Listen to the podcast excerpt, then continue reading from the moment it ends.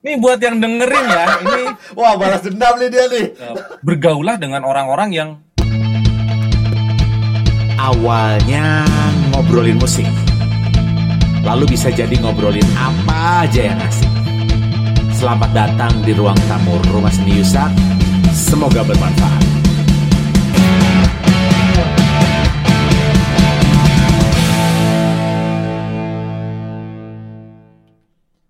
Halo semuanya, apa kabar? Semoga semuanya sehat-sehat. Eh, semoganya sehat-sehat, nggak kekurangan sesuatu yang baik. Eh, pokoknya dalam keadaan yang oke lah ya. Selamat datang di ruang tamu RSY, podcast saya Yusak Hartoko dari Rumah Seni Yusak. Hari ini RSY kedatangan tamu, seorang drummer ganteng. Kalau nggak percaya nanti lihat sendiri mukanya.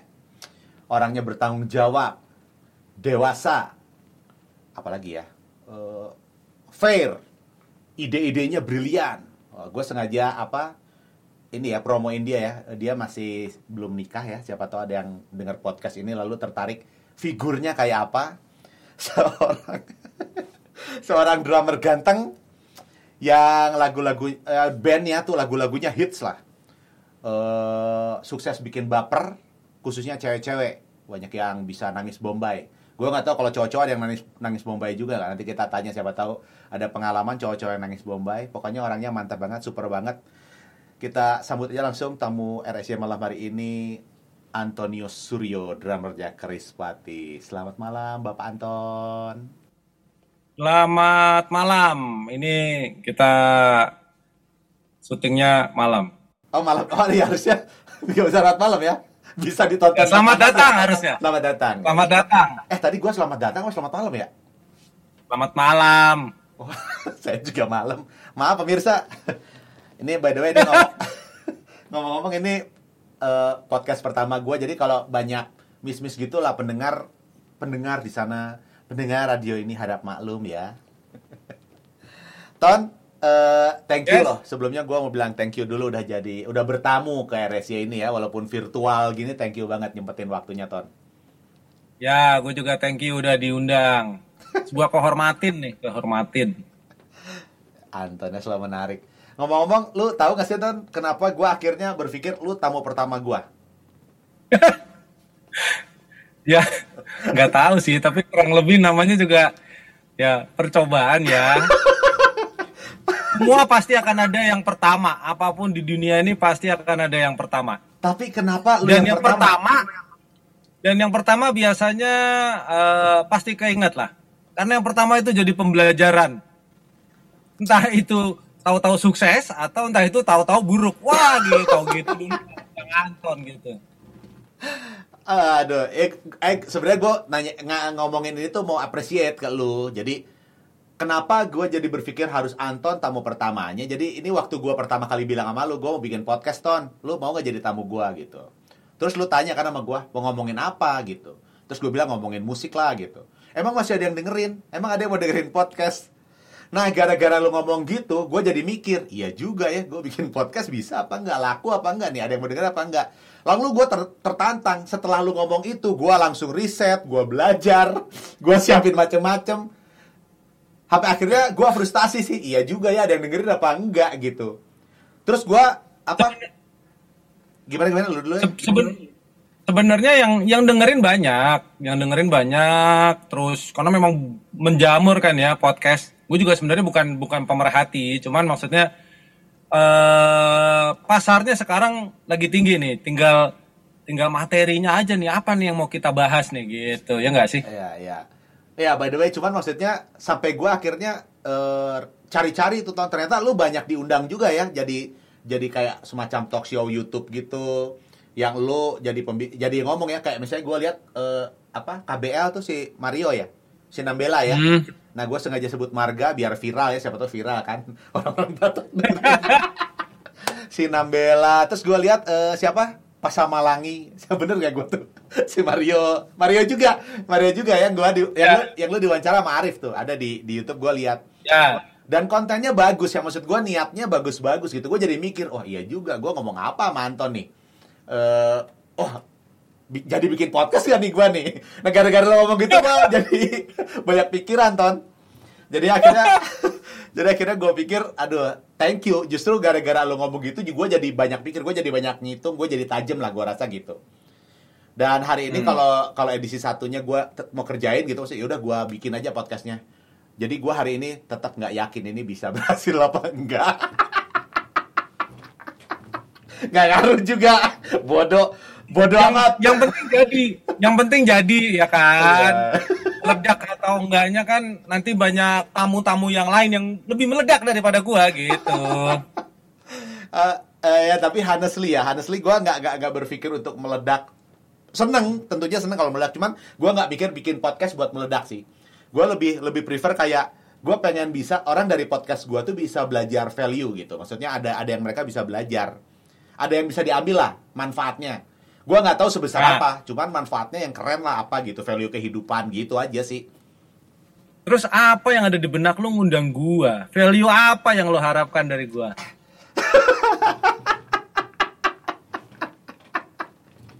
Aduh, Kok jadi gue yang ditanya sih? Harusnya kan gue yang nanya, nggak ini? Aduh, enggak, gue nggak akan jawab pertanyaan itu. Nggak, nggak, nggak. Eh, wah, gue kok jadi bingung jawabnya ya? Eh, Kenapa ngundang lu yang pertama? yang pertama gini, yang pertama gini, Tan. Yang pertama gini. Eh, ini nggak lepas berkaitan. Yang pertama ya, isu pertama yang gue pikirin itu tentang undang lu adalah lu drummer Chris Patih, band yang booming ya. Lalu apa ya? Gimana ya kalau gue bilang sekarang Chris Patih hari ini nggak se-booming dulu. Ada rasa ada rasa penasaran sih, maksudnya ada rasa penasaran. Maksud gue gini, agak belibet nih gue ya. Jadi kondisi lu sebagai musisi band yang bandnya terkenal, booming nih, itu tuh impian banyak musisi, iya nggak sih? Maksudnya gue pun bermimpi kayak gitu.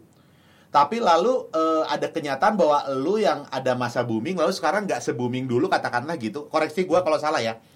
Eh, ya gue kayak pengen tahu, Ton, eh, bisa dijadiin pegangan nggak sih Ton? Maksudnya jadi lu jadi musisi terus punya band booming gitu, bisa jadiin pegangan nggak sih?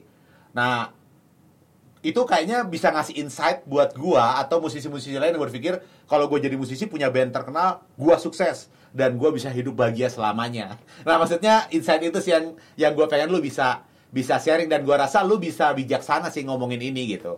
Bisa menarik gitu. Gua nggak bisa nebak lu ngomong kayak apa, cuman yang pasti lu bijaksana. Nah, itu sih isunya itu utamanya. Gua langsung batuk nih kayaknya. Oh. Enggak, enggak, enggak. Ya, ini langsung aja nih ya. Oh, langsung langsung. Apa mau ngapain dulu kita? Ya, sebenarnya ini eh ya ini dari dari dari pengalaman dari dari dulu kita kan satu kampus lah ya, lu pasti tahu. Maksudnya eh musisi ini kan tidak harus sebagai personil sebuah band, Oke. ya dong. Oke, menarik, menarik. Oke.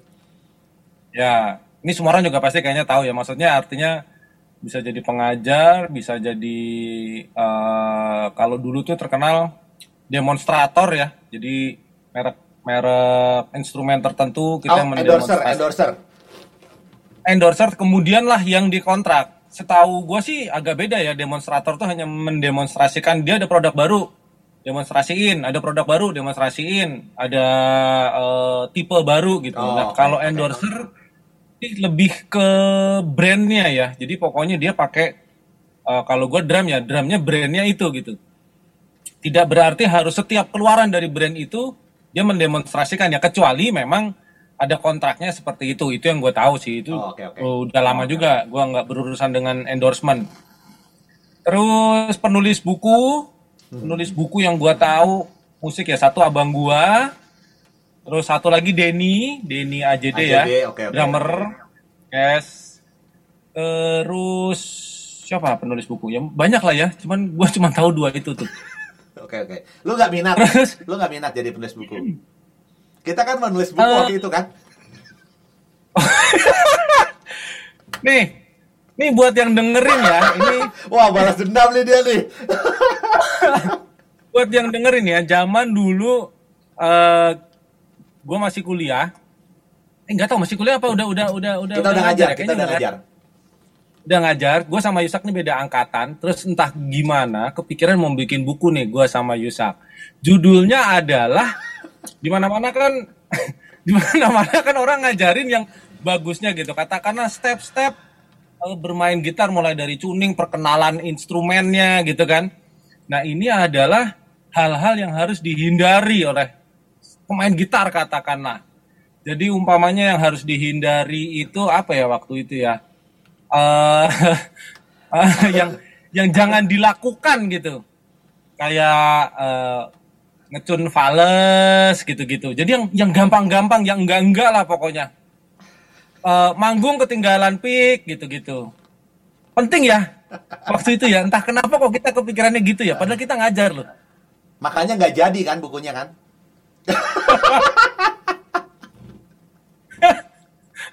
ya, lanjut lanjut by the way tadi belum kejawab kan kita Iya. itu yang itu tadi. Musisi. tadi tadi nulis buku terus habis itu eh apa namanya eh eh eh eh eh, eh, sorry jadi manajer enggak ya? Manajer sih berhubungan dengan musisi sih. Ah, penulis buku eh sorry apa namanya? Penulis lagu pengarang Oh, lagu oke, oke. arranger segala macam terus kemudian eh apa? Soundman ya. Soundman itu apa? Engineering ya. Engineer engineer oke. engineer maksudnya. Jadi semua itu kan masih berhubungan dengan musik gitu. Atau bahkan mungkin jual beli alat musik. Karena ya pasti kita harus mengetahui uh, dengan detail spek alat musik yang kita jual kan gitu. Wow jual beli ya? Jual beli ujung-ujungnya sih bisnis sih. Semua ini ujung-ujungnya bisnis. Kenapa orang mau ke industri musik gitu? Karena yang dibutuhin kita apa sih? Duit gitu kan. Mau di mana aja.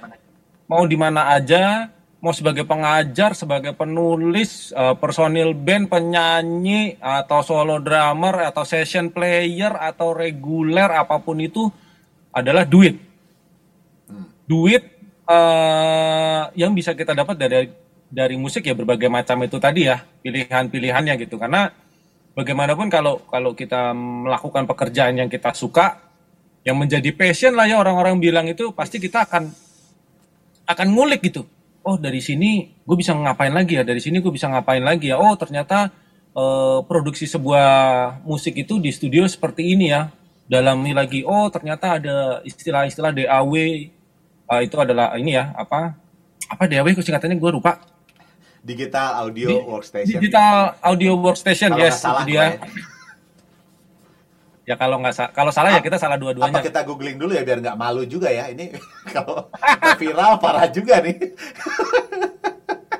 Itu viral karena salah salah nggak? ya. Eh, nggak apa-apa ya siapa tahu viral ya. Star siapa Ya. tahu viral ya. Oke oke.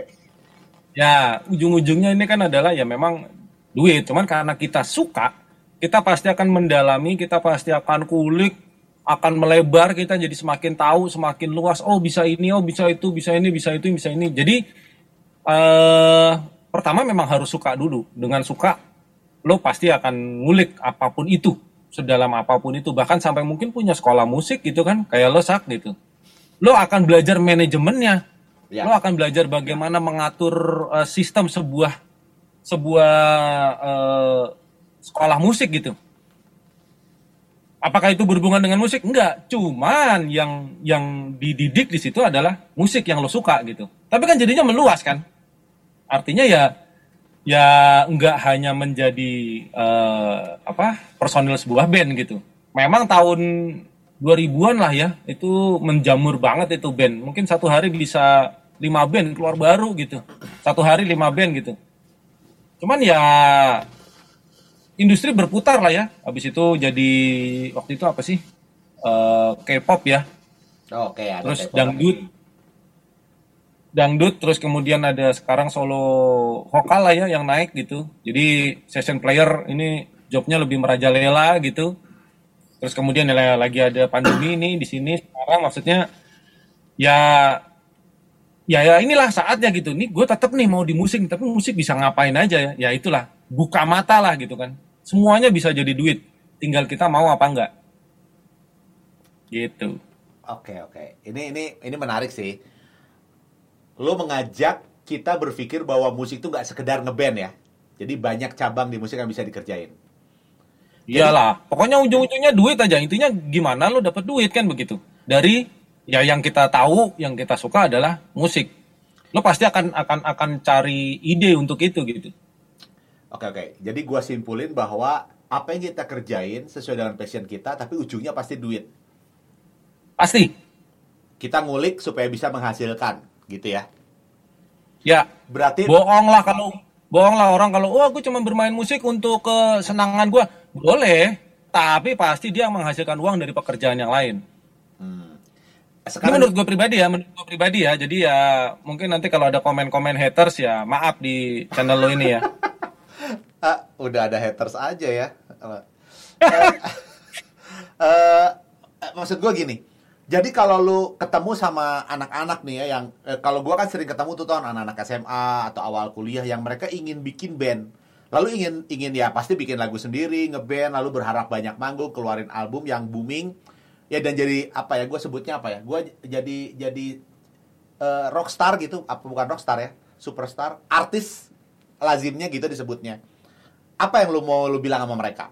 Apakah ini? Jadi musik tuh nggak sekedar ngeband gitu atau gimana ya? Atau gimana soal impian mereka maksud gua Ton? Yang pengen punya band terus bisa booming tuh menurut lu gimana?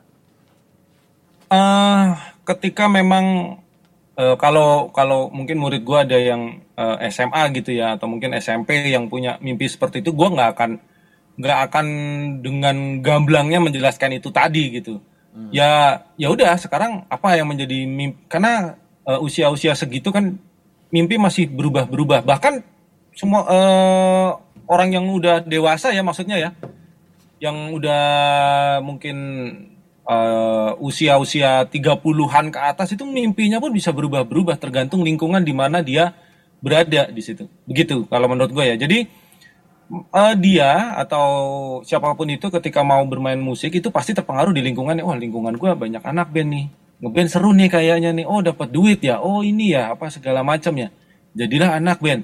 Kalau dia di lingkungannya adalah eh eh, tukang servis TV umpamanya. Oh TV ini begini ya, tiap hari nongkrongnya di tempat servis elektronik lah, nggak usah TV spesifik. Oh TV bisa begini ya, eh, radio apa segala, eh, MP3 player mungkin, eh, servis PS, PS PlayStation Nah, oke. segala macam. Oke. Dia akan akan berbisnis di situ, dia akan mencari uang di situ. Kalau di lingkungannya katakanlah eh, pembalap, balap motor, balap mobil begitu aja terus, nggak mungkin dia jadi jualan sayur. Kenapa Pasti jadi pembalap. kenapa jualan sayur sih? Ya kan. gue nggak bilang gue nggak bilang jualan sayur ini lebih rendah Oh ya. iya iya Cuman iya itu kan iya. iya. Oke itu oke. kan berbeda. Jadi eh, mimpi itu dipengaruhi oleh oleh lingkungan ini menurut gua ya. Menurut gua, ketika memang lo punya mimpi yang sangat kuat, lo akan mencari di mana lo bisa membangun mimpi lo. Jadi yang langkah pertama adalah ketika memang gua ketemu eh, anak yang masih dalam arti sekolah ya. Sekolah ini berarti sampai kelas sampai SMA kelas 3 ya Oke. sampai SMA kelas 3 ya gue akan bilang kalau memang itu mimpi lo ya eh, bergaulah dengan orang-orang yang yang sama mimpinya gitu. Jadi tujuannya sama, eh, passionnya sama, terus eh, keinginannya sama, terus bagaimana mendevelop mimpi-mimpi itu menjadi nyata, itu akan terbentuk di lingkungan itu gitu kan, bisa tukar pikiran gitu. Karena lo nggak akan dapet membangun mimpi lo itu ketika lo nongkrongnya sama anak eh, balap motor gitu, atau anak balap mobil gitu yang ada malah mungkin berubah nih jadinya gitu. Jadi alangkah pertama, kalau gue pribadi ya gue akan menyarankan untuk ya bagus, lo punya mimpi itu nomor satu itu bagus. Nah berikutnya adalah carilah lingkungan yang memang positif mendukung mimpi gitu.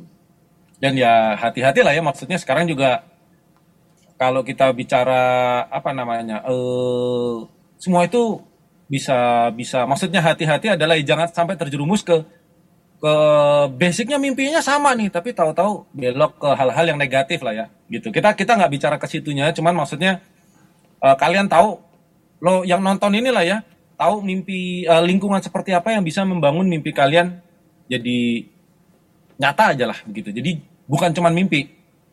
Begitulah kira-kira. Oh, bener gua bikin ini jadi bintang tamu pertama tuh bener kan? Inspiratif. lagi lagi ngomong gue kayak orang bener ya. Emang bener ton. Emang bener. Tapi tapi itu menarik. Eh ya ya. Gua pikir lu konsisten sih. Jadi sebelumnya gua pernah teleponan sama Anton ya buat semua yang denger nih. Terus kita ngebahas soal passion ini. Ada yang gua nggak setuju, oh, dia ngomong tapi intinya dia selalu bilang soal passion. Jadi kalau lu passion di situ lu pasti kejar passion lu apa pun kata orang lu eh, apa pasti lakuin untuk sampai passion lu itu konsisten sih ton. Jadi yang lu sampai malam ini segaris jadi, wih mantep nih. Nggak salah gua. Gua ya, gua sama kayak sama kayak lu lah, Sak. Apa lu dulu kepikiran punya eh, lembaga pendidikan musik gitu? Pasti dulu awalnya cuman gimana bisa bermain gitar dengan baik dan benar. Nah, Itu nomor satu pasti. benar. Mulik ini, oh suka sama ini, bagaimana cara bermain ini, itu, ini, itu. Terus mungkin di lingkungan lo, lo kenapa nggak bikin sekolah musik aja sih? Lo kenapa nggak bikin sekolah musik aja sih? Terus baru terlintas, oh iya ya. Terus gue mesti belajar di mana ya untuk memanage-nya, untuk kurikulumnya. Oh, gue bisa ambil dari ini, ini, ini, ini, ini, ini, ini. Lo akan akan belajar dan lo akan cari tahu gitu. Lo tanyalah ke mungkin ke temen lo yang eh, punya sekolah musik, eh, baca-baca, cari tahu apa segala macam udah pasti begitu kan lo pasti akan akan berkumpul ke ke orang-orang yang eh memanage ini gimana sih? Bikin eh, pembukuan apa segala macam flow segala macam semua sistem. Lo akan berada di lingkungan lo jadilah lo sekarang ini gitu. Menarik. mungkin ya mungkin nih. Ini sekarang detik ini nih. Lo mulai menjamah dunia digital nih. Karena kenapa? Ya mungkin mungkin karena sekarang eranya semua kita dipaksa nih untuk digital. Bahkan ngobrol begini direkam aja kita eh, online. Karena memang selain jarak juga kita Jakarta Bandung ya. Dan ini sangat memungkinkan dan sekarang ini ya ini hal yang lumrah gitu jadi ya lo akan akan belajar apa sih ini eh, sistem ini bagaimana biar bisa eh, menarik tampilannya segala macam karena lo suka gitu Menarik, menarik. keren loh, Bang, sampean keren, Bang. ini ini ini ada gua ada terlintas sih, tapi gue pengen tanya ini dulu. Eh moga-moga nanti gue inget setelah lu menjelaskan. Lu ngomong-ngomong kayak sekarang nih keren ya. Kerjaan lu apa sih sekarang? Masih jadi drummer band nggak? Wah, lu kayaknya bisa jadi motivator nih, Ton. Enggak lah, ini kan cuman cuman apa yang pernah gua lalui aja. Nah kalau bicara sekarang ya mungkin kira-kira hampir ini kurang lebih tujuh tahun yang lalu. Uh, lama juga. 15, 16, 17, 18, 19, 20, 21. Iya, tujuh tahun yang lalu lah. Tujuh tahun yang lalu ini gue mulai belajar berbisnis dari nol. Maksudnya bukan gue yang mulai dari nol, cuman gue untuk mulai belajar mengenal bisnis dalam arti sebenarnya. Walaupun walaupun gini, sebelum sebelum gue jelasin ya uh, bisnis apa gitu yang yang yang yang gue jalanin. Walaupun sebenarnya eh, setiap apa namanya ya, setiap apa yang kita lakukan itu pada dasarnya adalah bisnis. Contohnya adalah eh, apa sih kita ngajar biar dapat uang. Yang kita tawarin apa sih? Yang kita jual apa sih? Yaitu adalah jasa, jasa mengajar.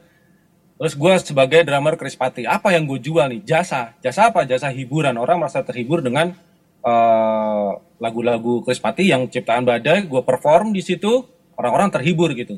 Dia bisa datang sama pasangannya, sama keluarganya mungkin gitu, untuk menikmati jadi terhibur. Jadi ada melibatkan transaksi bisnis lah di situ.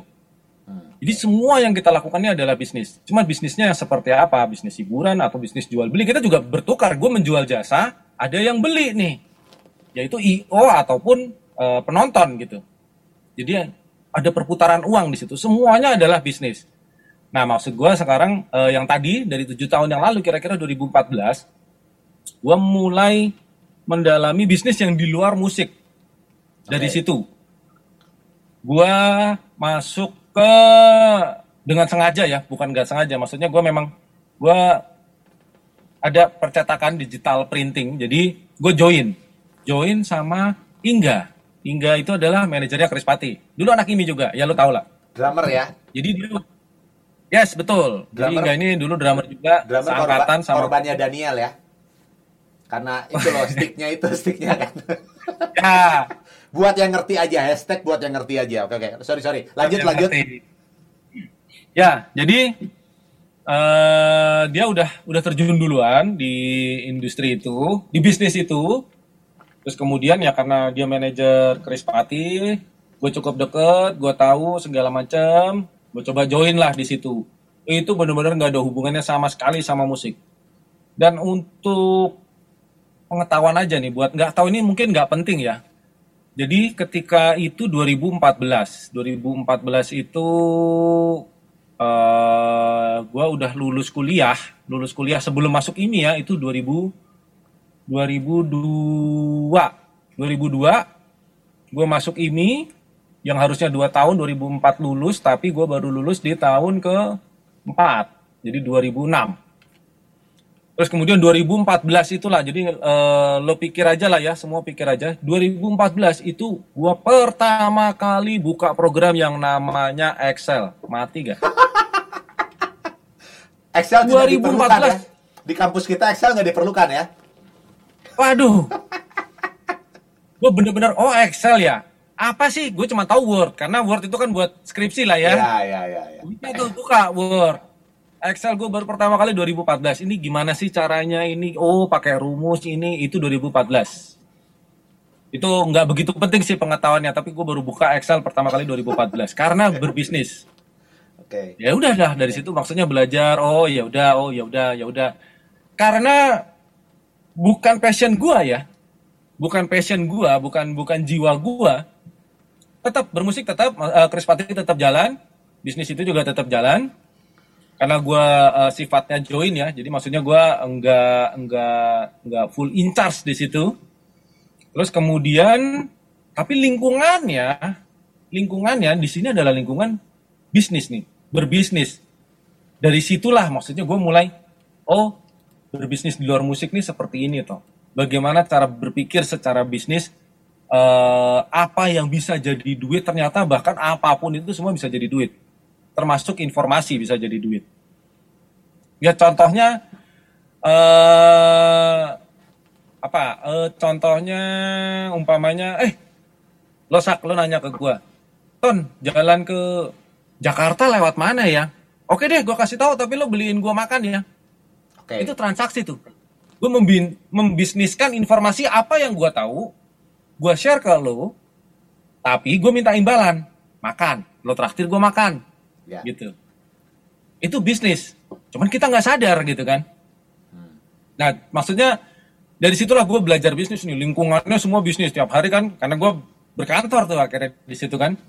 Gue uh, in charge di situ sebagai general manager. Detail bener-bener dari baut lepas sampai genteng bocor apa pun itu semua pokoknya gue urus tuh di situ. Wis, keren. Dari nggak tahu apa-apa karena lingkungannya seperti itu, gue jadi oh oke okay, belajar oh begini oh begitu oh berbisnis ini seperti ini berbisnis di luar musik ya. Oke. Okay. Berbisnis yang karena kan gue juga uh, itu hitungannya jasa ya, jasa percetakan sebenarnya. Memperhitungkan uh, untung rugi apa segala macam ya di situlah okay. itu itu itu jadi jadi jadi awalnya lah ya akhirnya sampai sekarang gini sampai sekarang uh, ya lingkungan gue masih lingkungan lingkungan uh, perkantoran. Yang mana adalah sekarang nih posisi gue adalah general affair kurang lebih sama lah maksudnya uh, karena tapi sekarang ini bentuknya gedung ya. Jadi gue bener-bener ngurusin satu gedung ngurusin uh, staff di situ. Jadi tau lah oh, oke okay, anak ini seperti ini anak ini seperti ini pendekatannya harus gimana? Oh ini begini ngurusin gudang apa segala macam perintilan gitu. Jadi uh, eh, gue ini sebenarnya orang yang paling dibenci nih kalau di kantor. Karena paling ribet. Karena paling ribet. Udah pasti general affair itu orang paling ribet. Okay. apa-apa kayak lampu matiin gitu. Buat apa? Biar irit listrik. Oke. Okay tapi kan ribet gitu buat orang. Ya elah gitu. Jadi memang di, di, di posisi gue ini dibutuhkan orang yang yang punya sense of belonging lah. Karena nggak nggak semua orang punya itu gitu. Eh tunggu lu masih sama Inga lu, lu masih sama Inga masih. Oh. Masih masih. Okay, okay, okay. jadi kayak kayak lu uh, lu punya uh, lembaga pendidikan gitu. Ketika salah satu pengajar lo tidak punya sense of belonging, dia mungkin akan datang ngajar telat, akan banyak alasan izin atau apa. karena sense of belongingnya terhadap uh, rumah seni Yusak ini uh, tidak tinggi gitu. Akan artinya akan ada prioritas yang lain gitu. Itu akan mengakibatkan ke situ sih maksudnya uh, pemikiran ke depannya gitu. Jadi nggak nggak nggak semua orang bisa punya sense of belonging itu. Menarik juga ya. Jadi masih drummer tapi ya. masih masih. Krispati masih ada loh ya. Ini Krispati masih ada nih. Oh, itu dia tuh. saat saat video ini dibuat Krispati masih ada Itu itu quote ya. Itu kita jadiin quote. Chris Pati masih ada Yes. ya. Atau hashtag juga Yes. ya.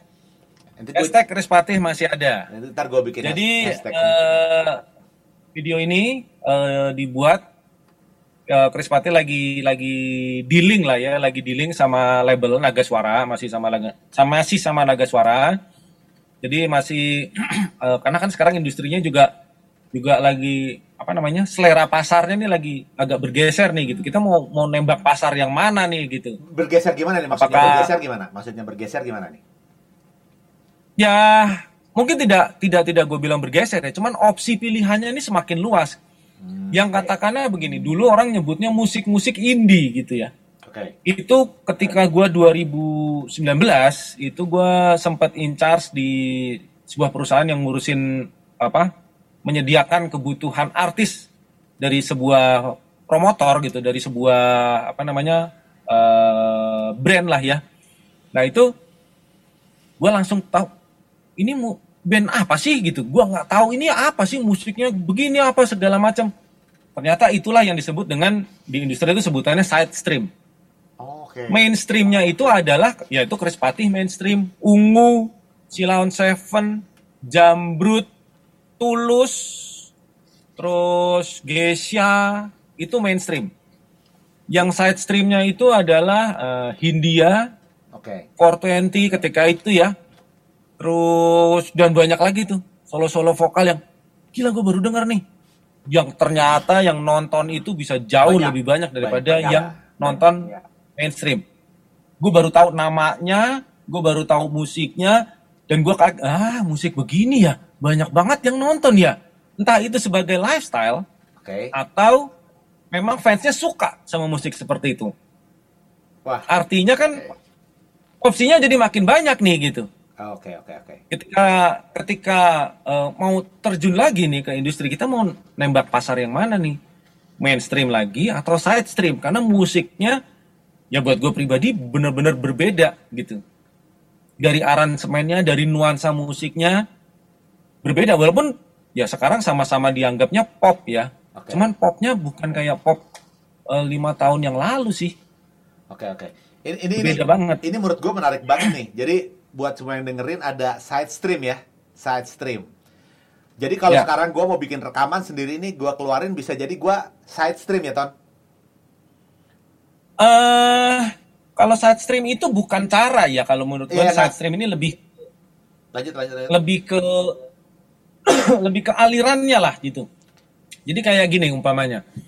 Eh contohnya siapa ya? Hindia tahu nggak Hindia? Tahu, tahu, tahu. Ya, itu kan beda banget sama Chris Patih gitu. Ya, Tapi eh anak sekarang ya 2021 lebih tahu mana gitu Hindia sama Chris Patih. Hindia pasti. Oke.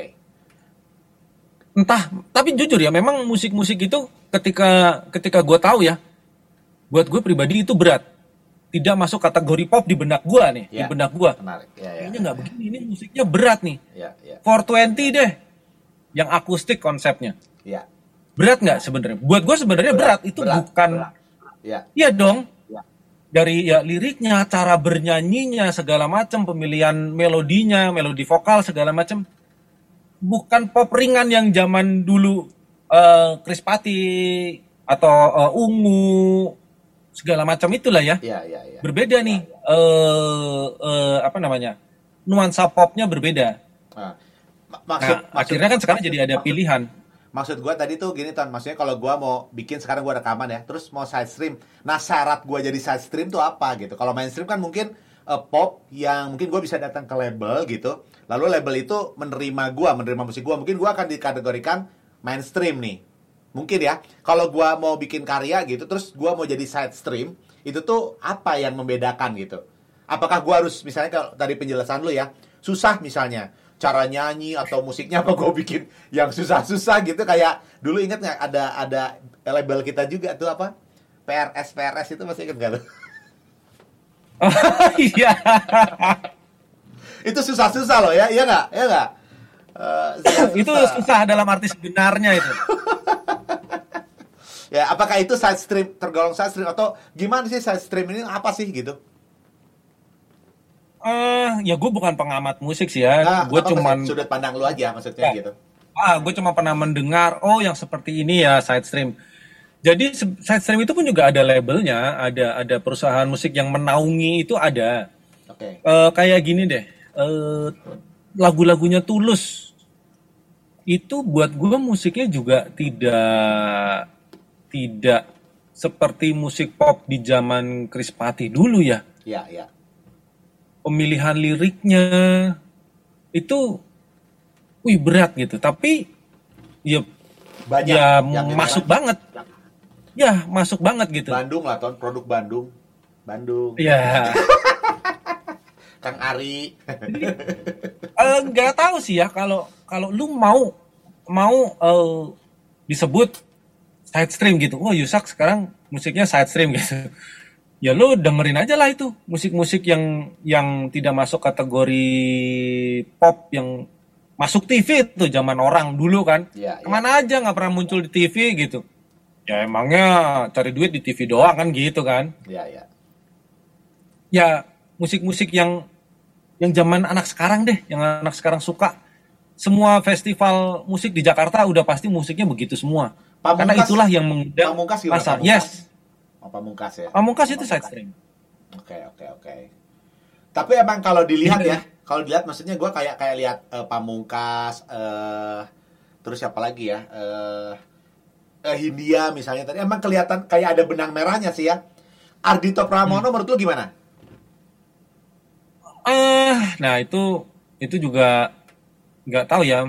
Kayaknya ya ini ini bener-bener setahu gue ya. Sorry banget nih kalau salah. Iya, iya. Dia muncul di era eh, side stream juga naik nih. Gitu. Ini menurut gue, gue sama sekali nggak nggak nggak nggak nggak mendalami gitu. Cuman kayaknya sih begitu ya. Dia muncul di saat eh, musik side stream ini juga lagi mendapat masa sehingga ya ya apa namanya masuklah dia nih ke kategori eh apa pengisi acara untuk musik-musik yang dalam tanda kutip side stream gitu. Walaupun di situ si Launch Eleven masih bisa masuk perform gitu, Jambrut gitu bahkan juga masih bisa perform gitu. Ah, Mm-mm. sih, sih. Menarik, menarik sih. Side stream ini menarik. Gue lagi ngerjain lagu nih. Eh gue pengen bikin EP, Ton. Berapa lagu.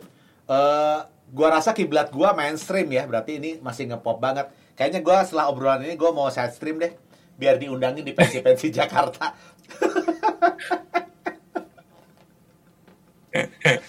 Eh, Oke, oke. Menarik ya. Eh, tapi gue mau tanya, agak loncat dulu sedikit dari obrolan kita yang ini. Takut lupa gue. Tadi balik lagi ke masalah ngeband, punya band terus bandnya booming. Lu kan drummer ya, maksud gue kita ngobrol as musiciannya aja gitu, nggak sebagai band. Menurut lu jago penting nggak ton?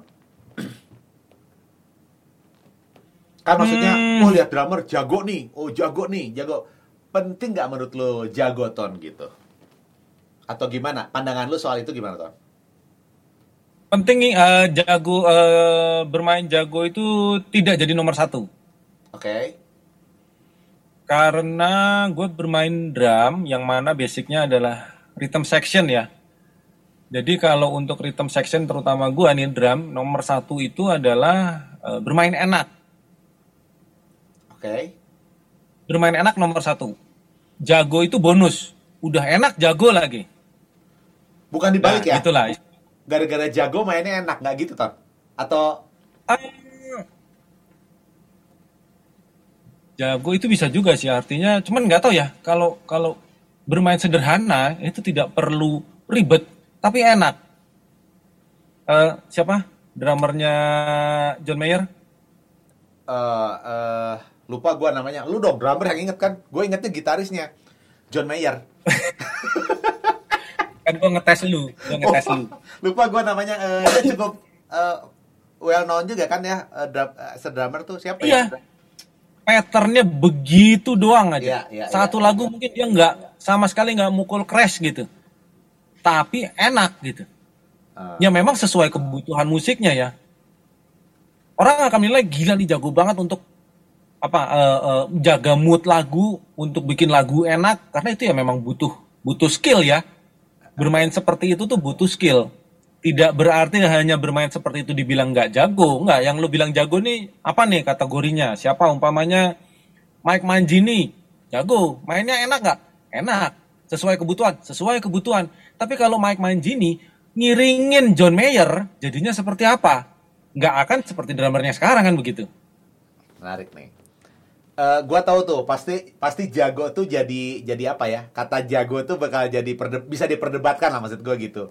Sengaja gua munculin Ya. sih karena gua pengen lihat sudut pandang lu aja soal jago. Karena itu ber Nah. eh, oke oke. Eh, Silakan. eh, coba coba gimana gimana gimana gimana? Nah itu itu eh, jadi bridging gua ke pertanyaan gua selanjutnya. Lu jago nggak ton gitu?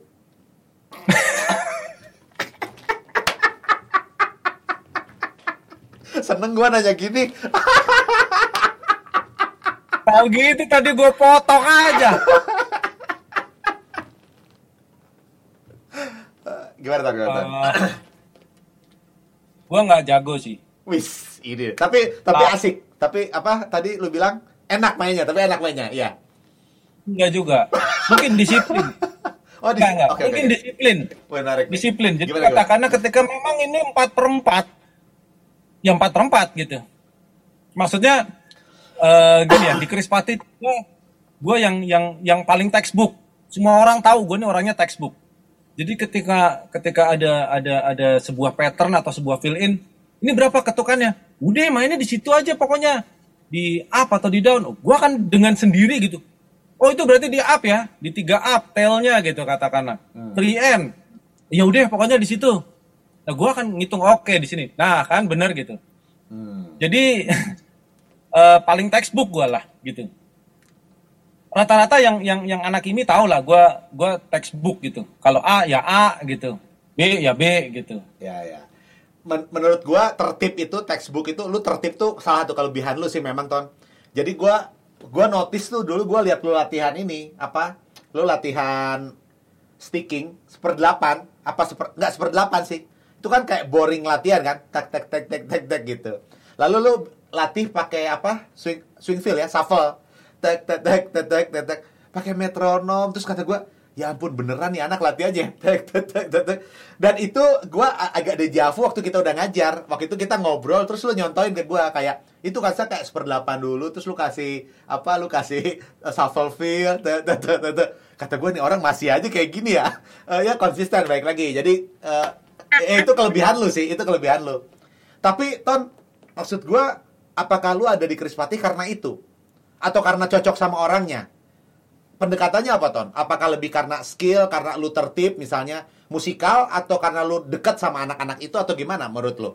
Buat lu, buat lu pribadi ya.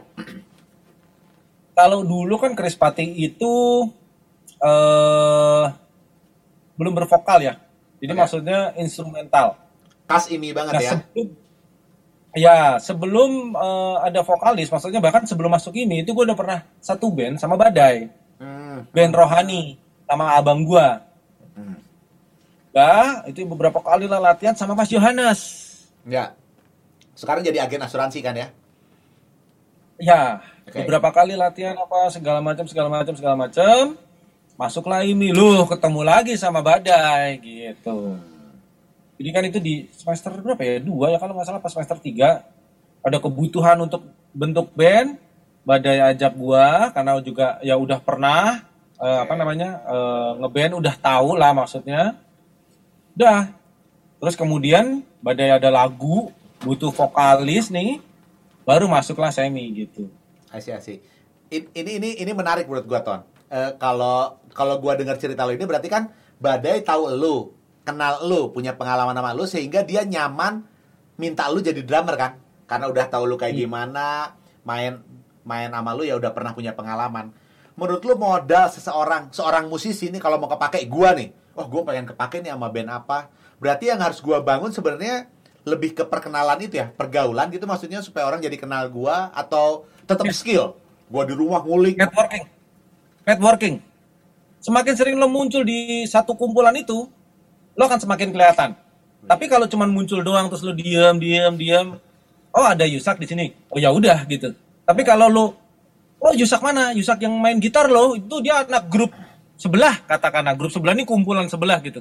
Bahkan lo udah udah menonjol di grup yang lain di kumpulan yang lain gitu. Jadi itu networking sih penting sih networking Penting ya. Jadi itu itu perlu tuh kayaknya jadi kuat juga ya. Networking is important ya. Jadi networking. Oh yes, pasti, pasti apa pun itu gitu. Lo berbisnis apa pun itu gitu. Sehingga lo uh, terkenal uh, apa Yusak yang main gitar. Oh Yusak ini rumah seni Yusak. Nah itu udah dua tuh. Nah, Main gitar sebagai gitaris dan rumah seninya. Terus nanti muncul lagi. Oh yang podcast. Nah ah, oke. Kalau lu, kalau lu apa nih? Eh, yang kayak gitu dari lu networkingnya bisa bisa. Kalau tadi kan Yusak nih pemain gitar, Anton pemain drum, drummer Chris Pati itu, terus punya perusahaan percetakan itu apa? Jadi percetakan itu apa? eh, ber- eh, lu punya apa tuh Ton yang dari diri lu yang punya kayak tadi untuk networking itu apa? Lu dikenal? wah ya kalau itu harus orang lain yang menilai ya. Oh, Oke. Anton ini di- dilihat sebagai apa sih? Apakah sebagai eh, percetakan kah? Atau sebagai lebih ke drummer Krispatinya kah? Atau lebih ke eh, sekarang orang kantoran kah yang ngurusin gedung gitu kan? Nah itu ya lingkungan itu sih beda-beda gitu. Walaupun ya, ya di kantor gua semua orang tahu gitu bahwasannya gua drummer Krispati gitu. Gua tahu. Dan tapi nggak di semua musisi di lingkungan musisi gua gue adalah eh, bekerja kantoran dan eh, posisi gue di sini nih gitu nggak semua tahu Gak gitu. semua tahu. Oke. Tapi tapi ada Ya. nggak sih usaha lu kayak apa ya? Itu gue sebut ngebrand diri ya. Ada nggak sih usaha lu untuk ngebrand diri lu misalnya kayak lu drummer supaya lu dapat job drum misalnya gitu atau lu eh, bisnis eh, percetakan supaya lu dapat order orang cetak ada ada usaha lu ngebrand diri lu sendiri nggak sih? Ah, ya ini penting nih kalau lu nanya begitu ya kalau lu nanya begitu sebenarnya itulah yang lagi sedang gue bangun sebenarnya. Oh, Oke. itu yang lagi gue bangun sebenarnya. Karena eh, jujur aja gue eh, ya orang kesukaan namanya hobi ya itu ganti-ganti kan. Lagi di lingkungan apa motor tahu-tahu ya hobi motor itu tadi. Oke oke. ntar di lingkungan apa namanya katakanlah sekarang lagi ngetren apa? Eh, eh, eh, main saham trading tahu-tahu jadi hobi trading gitu bisa dapat duit dari trading. Hobi tanaman gue pun juga hobi tanaman gitu. Dia yang mau di branding yang mana ya gitu. Ini Anton mana nih? Anton Krispati Anton percetakan Anton gedung Anton tanaman gitu atau apa nih kan gitu. Ya. Nah, eh, jujur sih kalau memang yang yang yang yang oh Anton Krispati ya orang akan tahu Krispatinya mungkin tapi oh yang ini toh drummernya. Gue cuma tahu vokalisnya dulu Semi udah Ah oke. Oke. sama lagunya. Ternyata oh ini yang main drum. Ya udah buat gue sih nggak masalah gitu. Buat gue nggak masalah gitu. Cuman kalau sekarang ditanya lagi apa nih hobi apa gitu. Ya musik masih tetap, cuman ya hobi di luar itu gue suka tanaman, suka, terus gue lagi suka foto gitu. Foto ya. Oh menarik nih.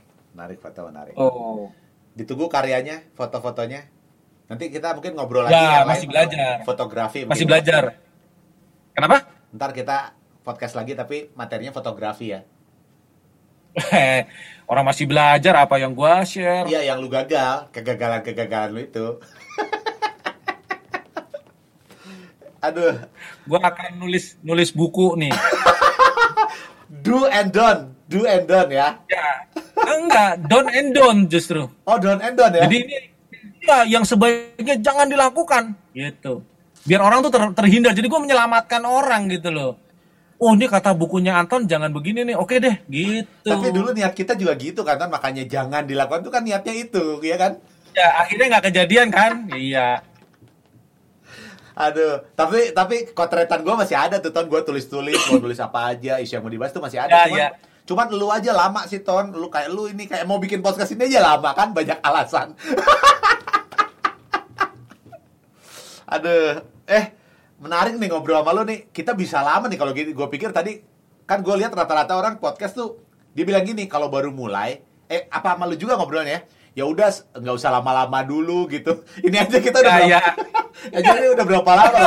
gue masih banyak yang pengen gue obrolin. Padahal catatan gue aja masih banyak yang belum gue tanyain, Ton. Tapi maksud gue, kalau gitu gue nanya sama lo, gue nanya sama lo. oke oke. eh mana yang lebih penting, bakat atau atau eh, gini gini gini gini. Bakat itu penting nggak? Bakat itu nomor satu nggak? Oh enggak dong, jelas itu itu udah final keputusan gue. Bakat bukan nomor satu. Nomor satu apa? Ya, eh, apa ya? Gua gua menyebutnya kerja keras. Eh, maksud gua sebenarnya kerja keras tuh agak-agak sedikit berat ya. Niat aja, niat eh, tekun, tekun. Menurut gua tekun. Karena gini ton, kalau misalnya gua bilang bakat nomor satu, murid kelas tempat gua sepi ton. Karena gini, mas, eh, tapi tapi ini serius maksud gua gini.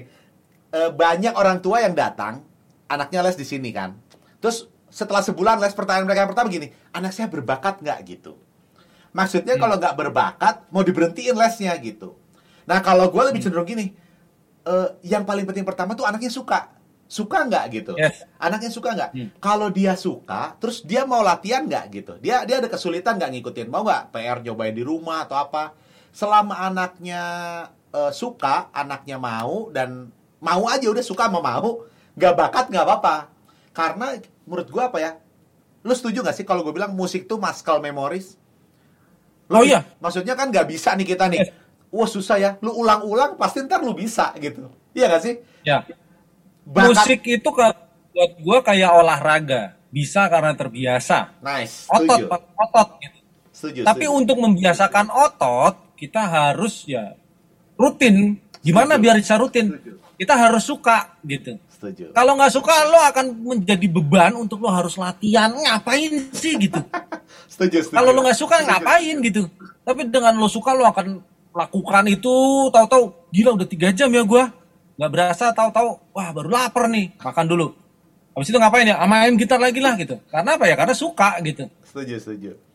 Ah itu gue pernah punya pengalaman juga tuh nama itu tuh. Jadi tapi itu belajar ya, itu bagian dari yang kalau lu bilang tadi manajemen sekolah. Jadi gue dapat murid, adik kakak tuh dua-duanya les. Eh, si si adik les karena lihat kakaknya les gitu. Jadi mereka pulang sekolah ke sini berdua, nanti dijemput sama orang tuanya. Mereka les gitar. Kakaknya cowok, adiknya cewek. Adiknya jadi mau belajar gitar karena lihat kakaknya belajar. Nah, mereka berdua nih eh, suka gitarnya suka. Kalau les sama gue juga enjoy. Nah, tapi kayaknya di rumah nggak pernah latihan deh. Gue nggak ngerti kenapa di rumah nggak pernah latihan. Jadi setiap kali datang, mereka selalu mengulang lagi. Lupa kak gitu. Masih kelas 3 SD gitu kalau gue nggak salah sama kelas 2. Pokoknya nggak terlalu besar ya. Nah setelah les 3 bulan, eh, mamahnya tuh nge-whatsapp gue.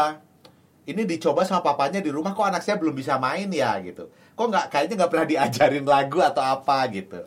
Nah, pada saat itu mereka berpendapat bahwa ya mungkin anak saya nggak bakat, lalu mereka hilang tiba-tiba nggak les lagi, nggak datang lagi gitu. Nah, ya kadang-kadang ada orang tua orang tua yang memang berpikir kalau udah dilesin mereka pasti bisa gitu. Tanpa ya tadi ya latihannya kelihatannya sih anaknya nggak pernah latihan di rumah karena setiap kali datang lupa, jadi mulai lagi. Tapi ya eh, apa pun ya itu mungkin kasus aja. Cuman buat gue yang penting anaknya seneng dulu. Gue selalu gitu sih. Kalau anaknya seneng ya eh, dan mau ya orang tuanya juga mau bayarin lesnya gitu. Ya enjoy aja prosesnya. Cuman yang bakat itu bisa menentukan waktu sih. Satu orang satu orang les eh, les se- seminggu bisa, yang satu sebulan bisa, yang satu tiga bulan masih belum bisa. Cuman yang paling penting ya suka dulu sih kalau buat gue gitu sih. Ya, ya. Buat gue gitu. Buat gue juga sama, sama. Bakat itu nomor dua lah. Eh, tapi ini menarik nih. Kalau lu punya murid nggak berbakat, lama kan tuh bisanya ya. Biasanya waktunya di di, di waktu lama gitu. Lu kesel nggak? Siapa tahu nih bisa iklan yang mau les ke Anton, wah ternyata nggak sabar dia. eh itu mungkin juga bisa ditanya ke anak-anak ini yang pernah belajar sama gue ya. Karena eh mungkin gue orang orang orang yang mungkin ya gue nggak tahu nih. Cuman kayaknya ngebagus-bagusin diri sendiri ya. Gue kayaknya termasuk guru yang sabar ya. Ah, Oke. Jadi ketika memang eh, usia anak ini masih di SD gitu, itu biasanya masih sukanya main tuh. Ntar ya minggu depannya lupa lagi, minggu depannya lupa atau bahkan di kelas tahu-tahu dia malah main apa eh, Gadget gitu. konsol gitu, Nintendo apa segala macam. Ayo latihan dulu, nggak mau gitu-gitu. Terus eh ya itu tadi ya ya gue nggak bisa paksa gitu kan. Kecuali tapi nggak juga sih ketika ketika bahkan eh, udah udah kuliah pun gitu nggak bisa bisa nggak bisa bisa ya udah ya gue cuma nanya ini hanya bisa ketika lo latihan lu mau latihan apa enggak udah that's it gitu Lu nggak marah ngapain tuh? kita marah Enggak ya, nggak marah. Nggak marah. kenapa harus marah? Ya nggak bisa dia kok gitu. Gue kan menyampaikan materi nih. Oke, lain halnya kalau dia nggak paham ya. Kalau memang dia nggak paham, gue mesti cari jalan lain nih. Gimana biar dia paham gitu. Katakanlah ya umpamanya 3 ditambah 2 itu sama dengan 5. Tapi dia nggak paham dari mana. Ini 3, ini 2. 5 nih jadinya. 1, 2, 3, 4, 5. Oh dia nggak paham. Ya udah satu tangan aja. Ini 2, ini tiga satu dua tiga empat lima oh oke ya benar-benar nah baru dia paham gue akan cari jalan lain lah begitu Wih, guru yang baik berarti nih ya. Nggak salah lagi tuh kan gua ajak lu ngobrol ke sini kan. ya itu menurut gue ya ya, ya. entah eh, Tapi gua setuju. dulu Gua setuju. Gua setuju. Lu guru yang baik, yang sabar tuh gua setuju sih. Gua setuju. kan lo nggak pernah jadi murid gua Karena itu, betul.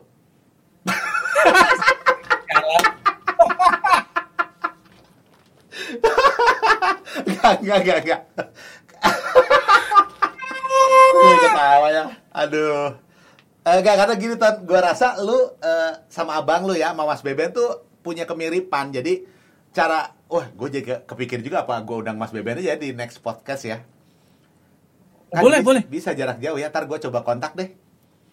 Ntar gue share, boleh, gua boleh. share dulu ini podcast ini ke dia kan, biar eh, ini kan. Ya, Mungkin ya. adik gua udah diajakin, masa gua enggak sih dia panas dulu kan. ya, gak jelas. Jadi maksudnya gua ngelihat kesamaan antara lu ya Mas Beben dan lu Ton eh, waktu ngajar tuh emang menarik. Jadi jelas kalau ngejelas itu jelas cara pakai analoginya bagus, pendekatannya bagus dan ya untuk penjelasan sih gua rasa oke banget. Ya dan lu sama sih kayak Mas Beben gitu. Eh, kalau kalau pengalaman gue ya nggak semua orang yang bermain jago atau bermain enak itu bisa mengajar dengan baik. Artinya informasi yang dia sampaikan nyampe nggak ke muridnya. Itu ya maksudnya ngajar ya. Iya. dan kalau buat gue adalah apa yang mau gue sampaikan materi ini sampai ke murid muridnya ngerti dan kalau orang tanya ke murid itu dia bisa jelasin. Entah dengan cara yang seperti gue jelasin ke murid atau dia punya metode lain untuk dia jelasin jadi umpamanya dari gedung sate ke rumah Yusak lewat mana sih? Gitu. Ya. Gue jelasin. Orang nanya nih, mau ke rumah lo nih Sak. Oh lewat sini, sini, sini, sini, sini, sini. Paham nggak? Oke, paham. Bisa jelasin nggak ke orang lain gitu. Oke. Kalau dia masih nggak bisa, ya artinya ya eh, baru paham. eh, eh, eh, iya sih ya, kayaknya sih begitu gitu loh, ngerti nggak? Iya, iya, iya. Tapi ketika paham, bener tahu dua ditambah tiga itu lima, dia akan jelasin ke orang mati-matian gitu. Oh cara ini nggak bisa, dia akan jelasin dengan cara yang lain ke orang lain. Jadi target gua adalah sebagai dulu ngajar ya, maksudnya paling lama di IMI lah ya. Itu adalah gimana murid gua ngerti dan dia bisa jelasin ke orang lain. Itu baru dia ngerti. menarik. Menarik Walaupun gua nggak tahu ya apakah apakah ditanya balik dia akan bisa menjelaskan. Yang penting pokoknya dia ngakunya udah ngerti dan ngakunya bisa jelasin ke orang lain. Ya wes. Menarik. Aduh, banyak banget yang bisa dikupas loh dari penjelasan lu tuh. Wah, kita bisa sampai besok subuh nih, sampai besok pagi nih. Makanya gue udah ada pertanyaan-pertanyaan gue simpen ntar gue tanya ke orang lain deh. tapi, maksud gue dari penjelasan lu nih menarik banget Ton. Maksudnya banyak hal yang, oh gue nggak nyangka nih bakal kita ngomong sampai sedalam itu. Eh, udah cukup lama nggak? Capek nggak lu Ton? capek dong ya habis habis sih. habis kerja capek gue. Eh, Ton, em, Yes. apa ya gue gue pengen ajak lu ke ke segini deh. Kita agak loncat agak jauh sedikit. Kalau menurut lu ya ini nih ini ini salah satu impian gue bikin podcast ini ton. Gue nggak tahu value jadi gini gue tuh selalu kalau kalau nonton Kick Andy tuh misalnya gue nonton Kick Andy atau gue nonton acara apa tuh gue lihat profil-profil orang yang hebat-hebat gitu. Dia bikin apalah bikin apa Nah, gue tuh selalu mikir, gue tuh bisa bikin apa ya gitu, biar bisa keren gitu kayak mereka. Kerennya bukan muncul di TV di Kick Andy bukan, tapi kayak bisa bikin sesuatu gitu yang yang yang berguna buat banyak orang, berdampak buat banyak orang, bermanfaat gitu. Keren aja gitu, bisa kayak gitu. Dan ya itu secara secara nggak langsung jadi sumbangsi buat bangsa gitu. Gua rasa kita sepakat lah, eh, Indonesia ini banyak PR ya, banyak masalah Indonesia ini. Nah kita ton, gue bikin podcast ini ya sebagai gue punyanya ini musisi musik bidang gue dan gue pengen bisa bikin sesuatu. Gue bikin podcast ini dengan harapan kita nih musisi-musisi yang ngobrol kayaknya musisi lah ngobrol apa sih musisi? Ada value yang bisa ngasih buat bangsa ini gitu loh maksud maksud gue kayak orang jadi oh kayak lu tadi ngomongin bisnis duit gitu. Terus juga eh, ketekunan gitu ya. Apa yang sebanyak hal yang tadi lu share itu hal yang baik-baik yang gue harap bisa jadi value buat orang yang denger jadi setidaknya ini bisa gue kasih buat Indonesia gitu. Makanya gue jadi isu kemarin tuh, isu, wih, penonton semua, maksud gue kayak is- isunya itu sih, dream gue itu kenapa bikin podcast tuh gitu. Eh, nah, gue pengen lemparin hal ini ke lu Ton. Kita musisi dan Indonesia, gimana menurut lu? Apa yang bisa kita, apa yang bisa kita kasih buat Indonesia Ton? Kalau ya kalau itu tadi sisi gue ya, kalau menurut lu dikaitin sama bangsa kan jarang nih kadang-kadang musisi yang ngomongin Indonesia tuh kayak Ahmad Dhani misalnya atau siapa kan politik banget nih gue sih nggak pengen lari ke itu gue pengen lari kayak hal apa yang bisa kita kerjain ya yang kita punya dampak juga buat bangsa kita gitu Indonesia menurut lu gimana nih Aduh, menarik ya berat ya. berat nih. Gua gua gua nggak kepikiran ya apa ya.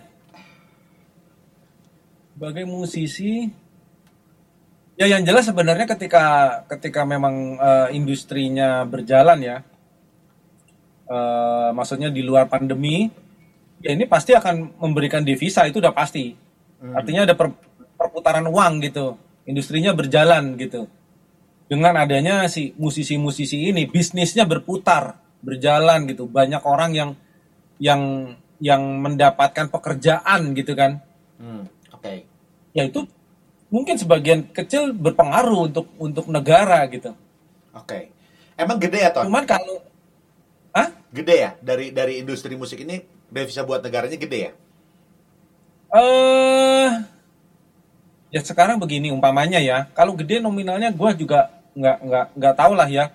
Cuma katakannya begini sebuah event eh, festival yang diadakan sponsor brand sebuah brand apa pun itu entah itu brand kendaraan entah itu brand rokok apa pun itu di situ kan melibatkan eh, banyak orang melibatkan perizinan melibatkan eh, pasti ada pajaknya di situ pajak acara tiketing segala macam semuanya. Kemudian dari eh, musisinya sendiri dari vendor segala macam semuanya semuanya. Perputaran uangnya kan eh, besar nilainya. Oke. Oke. Jadi ya kalau dibilang besar atau enggak ya pasti sedikit banyak berpengaruh lah ke ke Indonesia. Apalagi kalau event ini sudah event tahunan yang memang orang eh, negara tetangga ini wah ada event tahunan nih di Indonesia nih. Dan cukup terdengar itu sampai ke negara tetangga dan membuat mereka pengen datang. Walaupun mungkin musik eh, pemainnya adalah orang lokal ya Indonesia gitu cuma mereka jadi mau datang gitu sedikit banyak sih pasti berpengaruh oke oke kita sebagai apa ya sebagai komoditinya bagian dari pelakunya tapi yang mendevelop itu kan bukan musisinya musisi adalah bagian yang didevelop untuk menjadi satu kesatuan sebuah event Oke, oke. Menarik Gitu. ya. Minat bikin eventnya nggak? Eh, itulah yang gue kerjakan di 2019 ya sampai sebenarnya 2018 terus kemudian gue di in charge di 2019 tapi 2020-nya eh, pandemi Oke, oke. sekarang masih jalan sih sekarang masih jalan cuman ya eh, online lah gitu Jadi maksud gue gini, Ton. Kalau emang lu yang bisa jadi bikin event, berarti kan lu yang mendevelop kan musisinya kan? Iya kan? Nah, tolong develop gue Ya. musisinya. Tolong gue di-develop ini. jadi kalau ada event-event, nah tolong gue di-develop. Ingat, ingat obrolan malam ini, Ton. Ingat. Ya gua gua ada satu pertanyaan lagi deh soal Indonesia deh. Bisa lu gambarin Ah. nggak kalau misalnya Indonesia 10 tahun lagi di otak lu kayak apa? Di bayangan lu kayak apa? Jarang loh musisi ngasih tahu ya pandangan ke depan kan. Ini, ah Indonesia di bidang apa nih? Oh enggak, eh, secara utuh aja, secara utuh aja semua Indonesia ya di, di, di pandangan kita aja. Di pandangan kita jadi Indonesia kayak apa? Apakah Indonesia akan makmur, BUMN-nya akan bagus karena setelah Abdi, gua yang akan jadi komisaris BUMN misalnya gitu, Ton. di pandangan lu. Ah, Oke, em, 10 tahun kejauhan kali ya. Oh, kejauhan. Oke, oke. Karena- Berapa, berapa? Tahun lagi menurut lu yang bisa kebayang sama lu? Gak kebayang juga sih gue asli. Gue sebenarnya belakangan ini ya, ini gue nggak penting banget sih. Gue gue eh, salah satu pengguna YouTube yang bisa dibilang aktif ya. Maksudnya ketika di jalan gue ke kantor, yang gue dengerin ini YouTube gitu. Oke. Dan YouTube ini yang yang yang yang sedikit banyak berhubungan dengan apa sih yang lagi terjadi ini di politik Indonesia gitu. Oh, jadi lu pengamat politik juga ya? Bukan pengamat, mungkin penikmat lah. Eh iya, Gitu. sorry, oh ini kubu penikmat. Oke, oke. penikmat, penikmat kubu ini berseteru sama kubu ini karena ini isu ini naik, terus isu itu apa segala macem gitu-gitu. Eh seperti apa 10 tahun ya? Ya intinya gini lah. Harapannya sih udah pasti jauh lebih baik lah ya. Hmm, eh, eh, eh, eh, eh, seperti apa ya? Coba deh kalau kalau lu deh, kalau lu deh yang yang gue bisa jawab, oh maksudnya yang seperti itu gitu. Kalau lu seperti apa? eh sebenarnya pertanyaan ini muncul ya Ton. Pertanyaan ini tuh muncul karena karena ya ke- karena apa kegiatan kayak gua rasa penikmat penikmat YouTube seperti lu tuh banyak ya yang menikmati Banget. yang menikmati konflik-konflik ini ya baik sebagai berita ataupun berdiri di kubu tertentu gitu.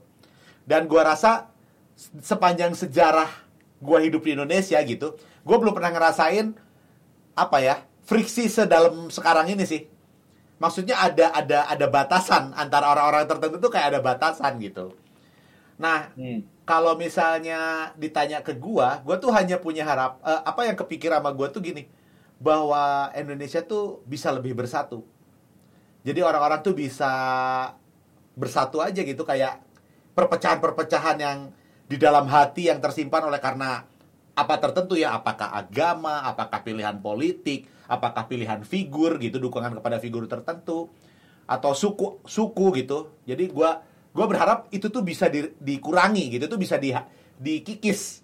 Caranya gimana? Ya caranya ada konten-konten positif yang mengimbangi berita-berita konflik tersebut. Nah, salah satunya kenapa gue bikin podcast ini? Ya supaya ini ada berita baik gitu. yang yang yang muncul. Bisa jadi option berita baik yang datang dari kalangan musisi ya, maksud gue gitu, orang yang yang praktisi musik.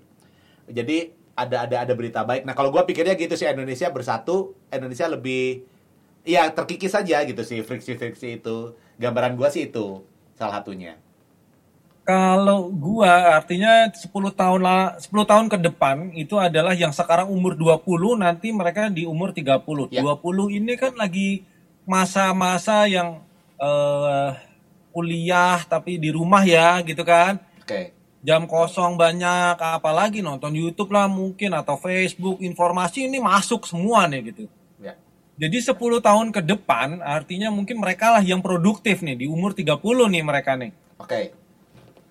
Itu adalah ya itu tadi yang gue bilang terpengaruh dengan apa yang masuk ke benak mereka di sekarang ini. Karena buat gue, gue percaya kita sekarang ini adalah hasil kita yang terdahulu. Hasil pemikiran kita yang terdahulu. Oke. Jadi gue dulu mikir apa tentang gue, jadilah gue sekarang ini. Oke. Itu itu eh, eh, sebuah frase yang gue percayai dan gue yakinin. Oh oke benar oke masuk akal. Jadi ya justru gue berharapnya ke usia 20-an ini ya yang yang memang usia cari tahu berita apa segala macem gitu. Yang kelak nanti 10 tahun adalah masa produktif itu sih harapannya ya ya menikmati konten-konten yang positif ya. Uh, artinya juga itu pun juga tergantung ya kalau lingkungannya mungkin berat ke uh, sisi tertentu dia akan akan ikut di sisi itu atau lingkungannya sisi yang sebelah sini dia akan ikut di sisi sini nanti jelek-jelekin tapi kalau lingkungannya positif yang berada di tengah maksudnya artinya ya ya untuk Indonesia gitu ya ya ke depannya sih harusnya dia akan tetap seperti itu. Harapannya sih seperti itu ya. Menarik. eh ya moga-moga moga-moga ada yang nonton ini eh berasa penting ya walaupun kita nggak Indonesia banget maksudnya kita nggak ngebahas lebih dalam tentang Indonesia ya Iya, iya, iya, iya. cuman intinya ya semoga ada positifnya lah ini Wow, eh ya ya.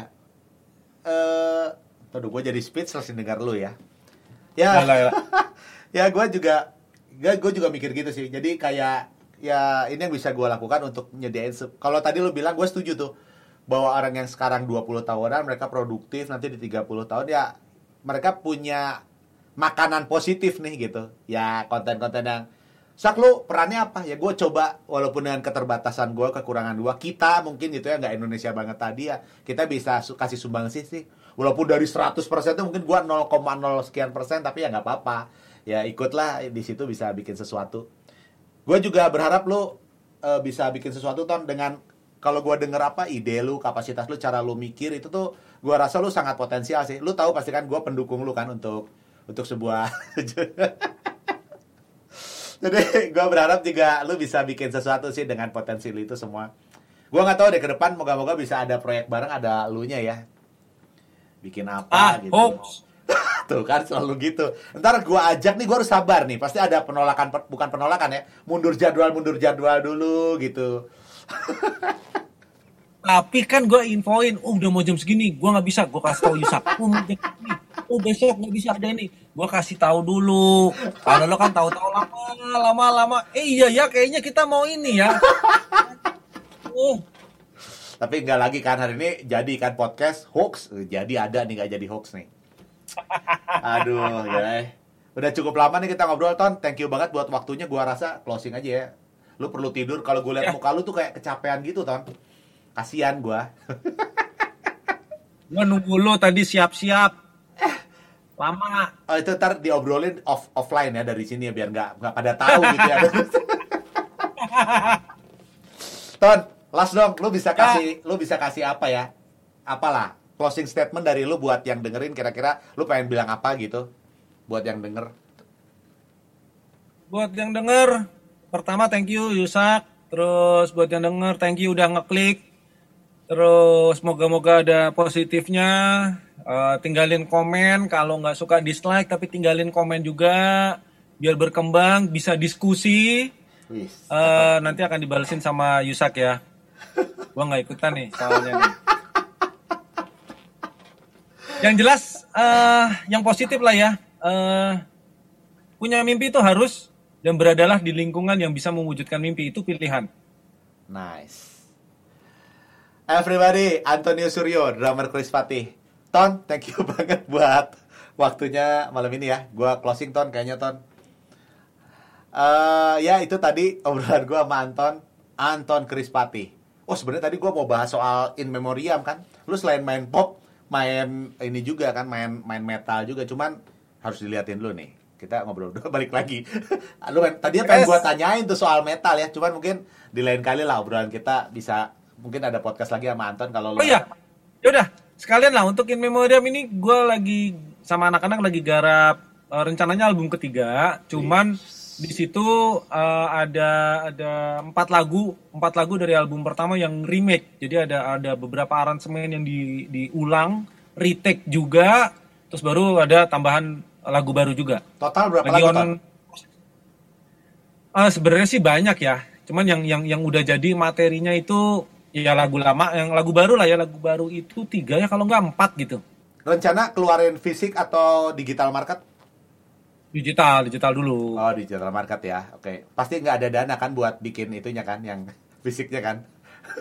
ah gue bercanda itu loh. dananya sih mungkin bisa dicari ya cuman pembelinya ini loh oh pembelinya pembelinya. ya, oh oke oke. Ya, industri ini kan sekarang orang nggak nggak nggak membeli fisik untuk Ya. bisa mendengarkan orang ya klik lagu apa yang dia mau dengerin dan pak harus punya fisiknya nggak menu-menuin gitu loh Tuh kan kita jadi bahasan lagi nih. Ini bisa lama lagi deh kita kalau terusin ngobrol. ya anyway, pokoknya semuanya tuh Anton antar keluarin album eh, In Memoriam, eh, bandnya band metalnya Anton. Kalau lu mau denger Yes. Anton di situ double pedal, pedal double. bahkan mungkin triple ya kalau si hi hat dihitung. ada remote hi hat juga nggak? Apa? Ada Antonius cari aja ntar in memoriam itu album album metalnya Anton. Ini sekarang gua closing beneran nih kayaknya nih. Oke. Ah, Ton, thank you buat udah datang. Itu obrolan gue tadi sama Anton dalam Krispati. Semoga bermanfaat, bisa didengerin. Eh, ya itu tadi doa gue bisa jadi sumbangsi eh, vitamin yang positif buat Indonesia dari kami para praktisi musik. Uh, itu aja kali buat hari ini. Makasih udah dengerin. Sampai ketemu di next obrolan ruang tamu RSC. Saya Isya Hartoko dari Rumah Seni Yusa. God bless you semuanya. Bye-bye. Bye-bye.